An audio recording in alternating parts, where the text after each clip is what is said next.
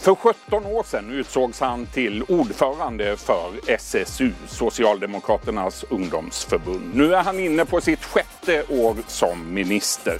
Han ansvarar bland annat för pensionärernas situation. Varmt välkommen hit socialförsäkringsminister Ardalan Shekarabi. Tack så hemskt mycket.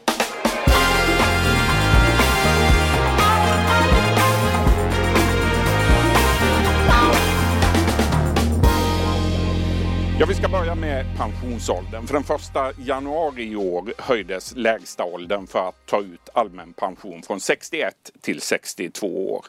Ett svek från regeringens sida, sa Kommunals ordförande Tobias Baudin. Många undersköterskor, byggnadsarbetare och andra är slutkörda och kan inte jobba längre. Vad tänker du om det? Att det Tobias Baudin och Kommunal lyfter är helt eh, relevant fråga. Det är rätt att höja pensionsåldern när vi lever längre och längre. Eh, skulle vi inte göra det skulle vi få lägre och lägre pensioner. Men vi måste också hitta en lösning för de grupper som fortfarande arbetar med kroppen och som sliter ut kroppen och som inte ens kommer upp till dagens pensionsålder. Så därför så åkte jag till Danmark före julledigheterna och tittade på det som händer i Danmark. De ska, precis, de ska också höja pensionsåldern. Men de ska precis nu reformera systemet så att man skapar en ventil för danska arbetare. Har du slitit med kroppen, slitit ut kroppen, då ska du ha en ventil som innebär att du får gå i pension tidigare. Och det är helt rimligt att, att förespråka något liknande i Sverige för det skulle få helt orimliga konsekvenser om vi höjer pensionsålder utan att vi tar hänsyn till eh, landets löntagare som jobbar med kroppen. Det måste finnas en ventil också för dem. Borde ni inte ha tänkt på det här tidigare då? Jo, det kommer att komma nu ett arbete under våren eh, där vi tittar på hur vi ska skapa den här ventilen. För pensionsåldern, alltså garantipensionsåldern, den kommer att höjas senare. Så man kan säga att vi ligger lite efter danskarna. Så det är inget konstigt att debatten kommer igång i Sverige nu. Men jag har ju noterat att Kommunal och flera andra fackförbund har nu efter julledigheterna under 2020 börjat fokusera på den här frågan. Och vi ska ha ett svar på den här frågan. Vi ska skapa en ventil för landets arbetare som har slitit med kropparna för att eh, annars får det som sagt orimliga konsekvenser att pensionsåldern höjs. Hur ska den här ventilen se ut då? Vilka yrkesgrupper tänker du ska omfattas av den här ventilen? Det man kan titta på Danmark är att de har två olika reformer faktiskt. En reform som presenteras av Socialdemokraterna och en reform som kom från de borgerliga partierna i Danmark. Socialdemokraternas modell, och båda ska genomföras ska jag säga. Socialdemokraternas modell är att har du arbetat ett visst antal år i yrken där du har slitit med kroppen, då ska du få en generell rätt till eh, pension, tidig pension. Vilka yrken de talar vi om? De jobbar med det. Nu jobbar de med parterna för att kategorisera. Borgerliga svaret på den här reformen, det var ju att det ska vara lättare att få förtida pension om man har skadat kroppen eller om man har slitit ut kroppen. Så det räcker att man har en nedsättning av arbetsförmågan med 15 timmar i veckan i förhållande till det yrke som man är i just nu så ska det räcka för att man ska få förtidspension i Danmark. Och nivåerna på förtidspension är höga dessutom. Och ett sådant system vill du se här också? Ja, jag ser att det är helt orimligt att vi idag har ett läge där det inte ens är 5 000 människor som beviljas förtida pension, det som i Sverige kallas för sjukersättning längre. Alltså backar vi till 2004 då var det för många som fick eh, förtidspension. Då var det 70 000 som fick förtidspension. Nu är vi under 5 000 så i praktiken är det omöjligt för många att få förtida pension i Sverige. Och det är ju inte, det är inte rimligt när man höjer pensionsåldern. Då måste vi faktiskt in och justera. Vad är det ni har missat då? För ni har haft ansvaret nu i flera år. Ja, vad är det som... Eh, det som har varit i fokus det är ju att se till att människor kommer tillbaka till arbete. Det är ju liksom den, den debatten som har dominerat sedan 2004 och det är ju rätt ju. Det är klart att sjukförsäkringen måste ha fokus på att människor ska komma till arbete. Men du kommer inte ifrån att det finns människor nära pensionsåldern som har slitit ut kroppen. Som inte kommer komma tillbaka till arbete utan de förtjänar ekonomisk trygghet. Och därför ska vi nu under våren sätta igång ett arbete för att förändra regelverket för att det är inte hållbart. Och som sagt, om vi inte löser det här, då kan vi ju inte heller höja pensionsåldern. För det måste ju finnas en ventil för de som sliter ut kroppen. Annars kommer det få riktigt orimliga konsekvenser. Men din företrädare Annika Strandell, hon har gång på gång lovat att systemet för sjukersättning ska ses över. Det har ännu inte hänt. Varför har det tagit sån tid? Jag kan bara svara för det som jag har eh, kunskap om och det är att det har förts ett arbete eh, och det ska resultera i, i, en process som ska leda till regeländring och vi kommer komma igång under våren här med den processen. Så när blir det enklare att få förtidspension? Det måste lösas under den här mandatperioden för pensionsåldern ska ju höjas 2023. Så ska vi ha ett svar på frågan om ventilen då måste vi under den här mandatperioden lösa frågan och jag tycker det är rimligt nu också att riksdagspartierna börjar diskutera för ett tag, från 2006 till 2019, så handlade ju allt fokus om att montera ner sjukförsäkringen. Mm. Det var ju den debatt som dominerade.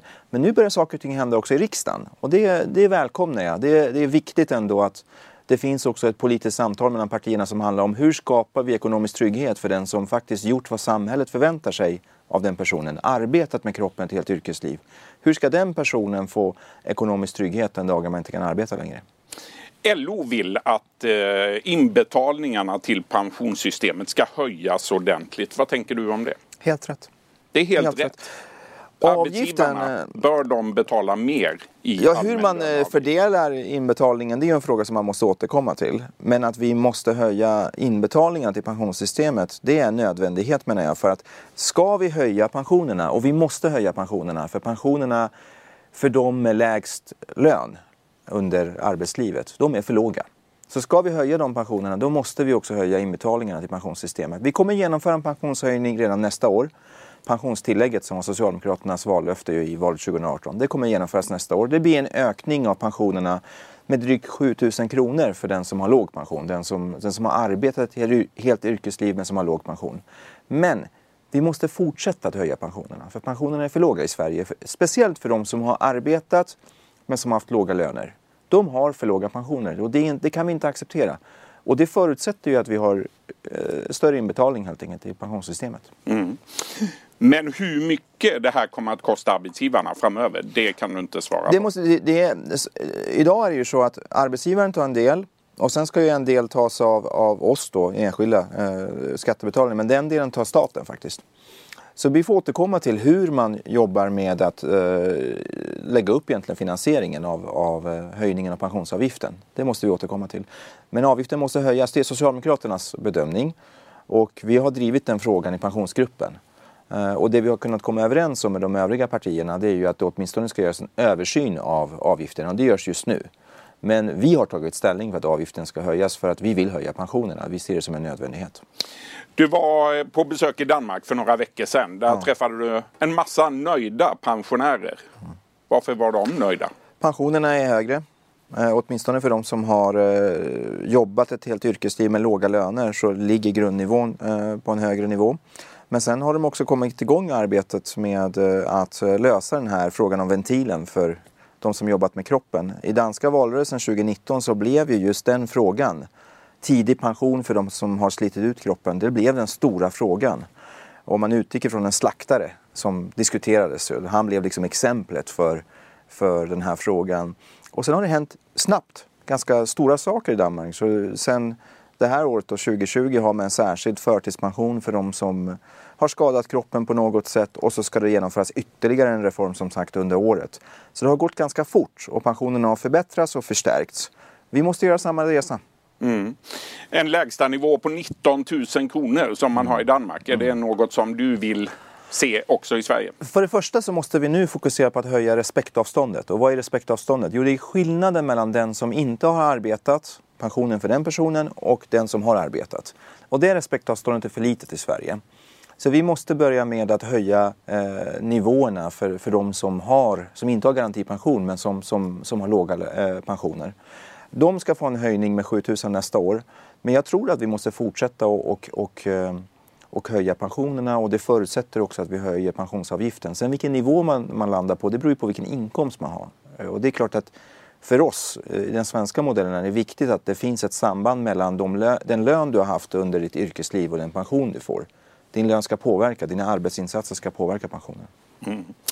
Du eh, Ardalan Shekarabi, något helt annat nu då. Du är inne på ditt sjätte år som minister. Det spekuleras i att du är en av kandidaterna som kan ta över den dagen när Stefan Löfven lämnar som partiledare. Är du intresserad av partiledarjobbet? Nej, verkligen inte. Mitt fokus nu, jag, jag blev ju socialförsäkringsminister för fyra månader sedan.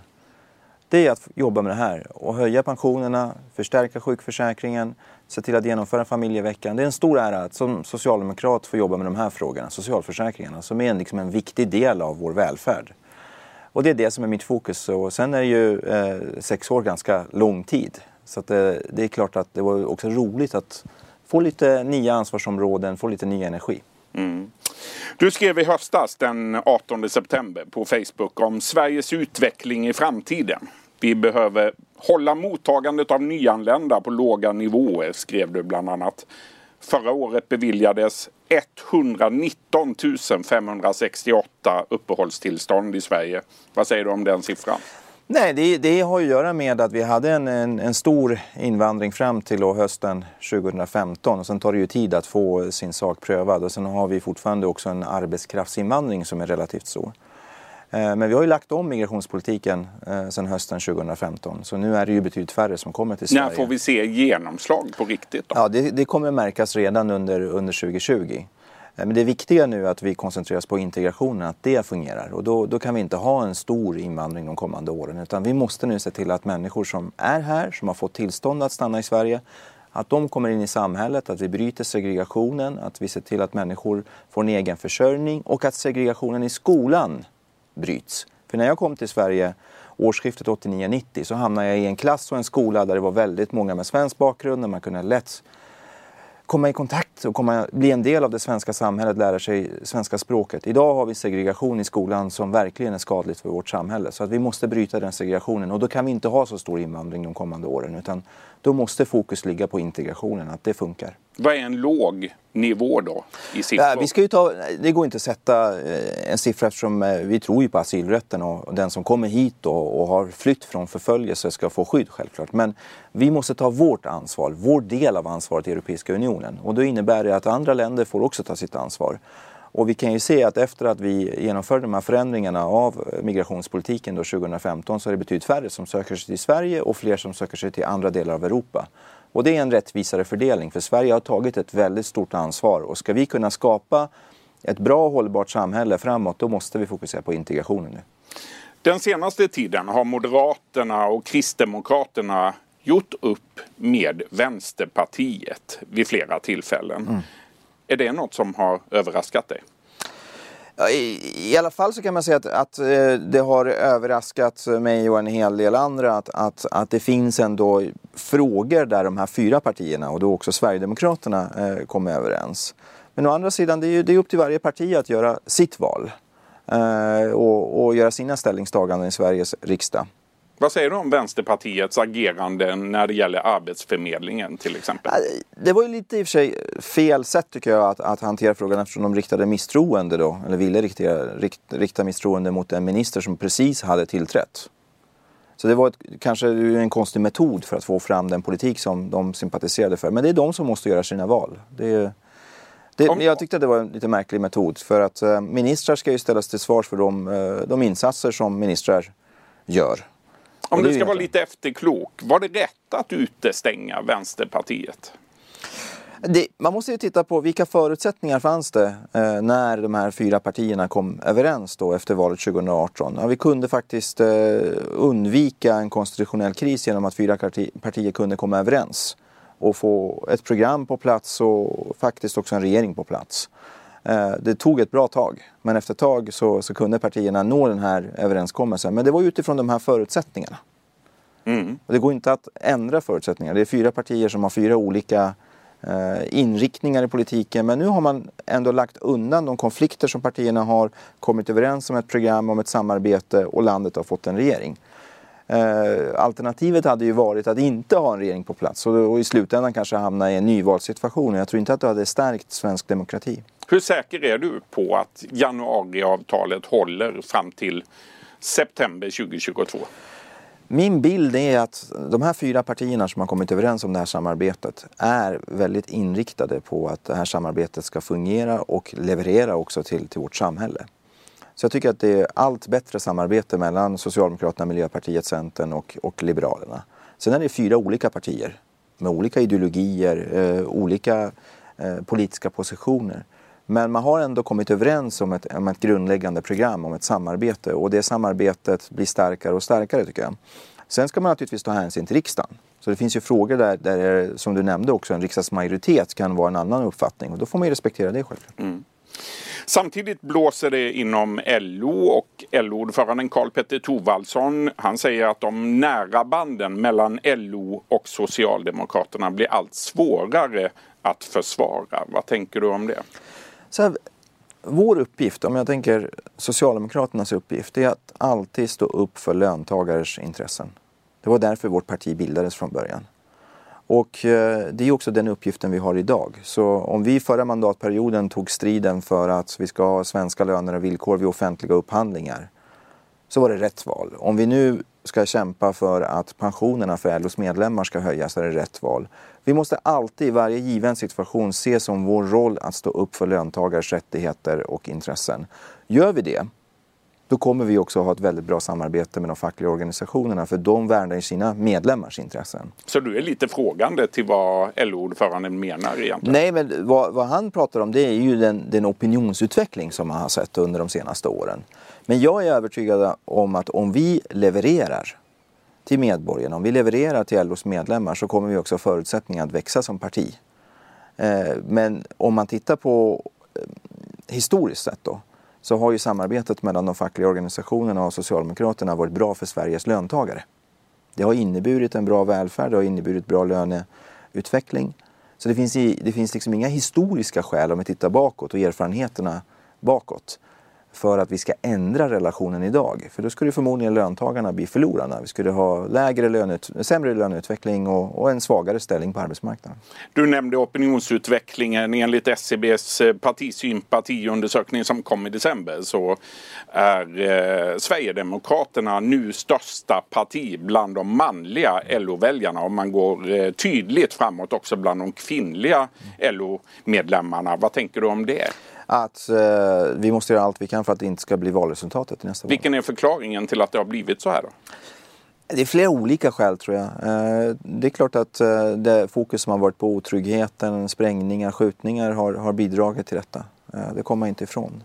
Vilka misstag har ni begått inom Socialdemokraterna när det gäller Sverigedemokraterna?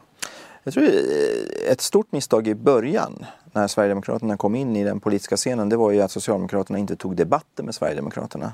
Utan bestämde sig för en annan linje om att man inte skulle gå in i en direkt debattsituation. Det var fel. Jag har alltid trott på att dina motståndare måste du möta i debatter. Du måste brotta ner deras argument, möta deras argument, presentera vad du själv står för.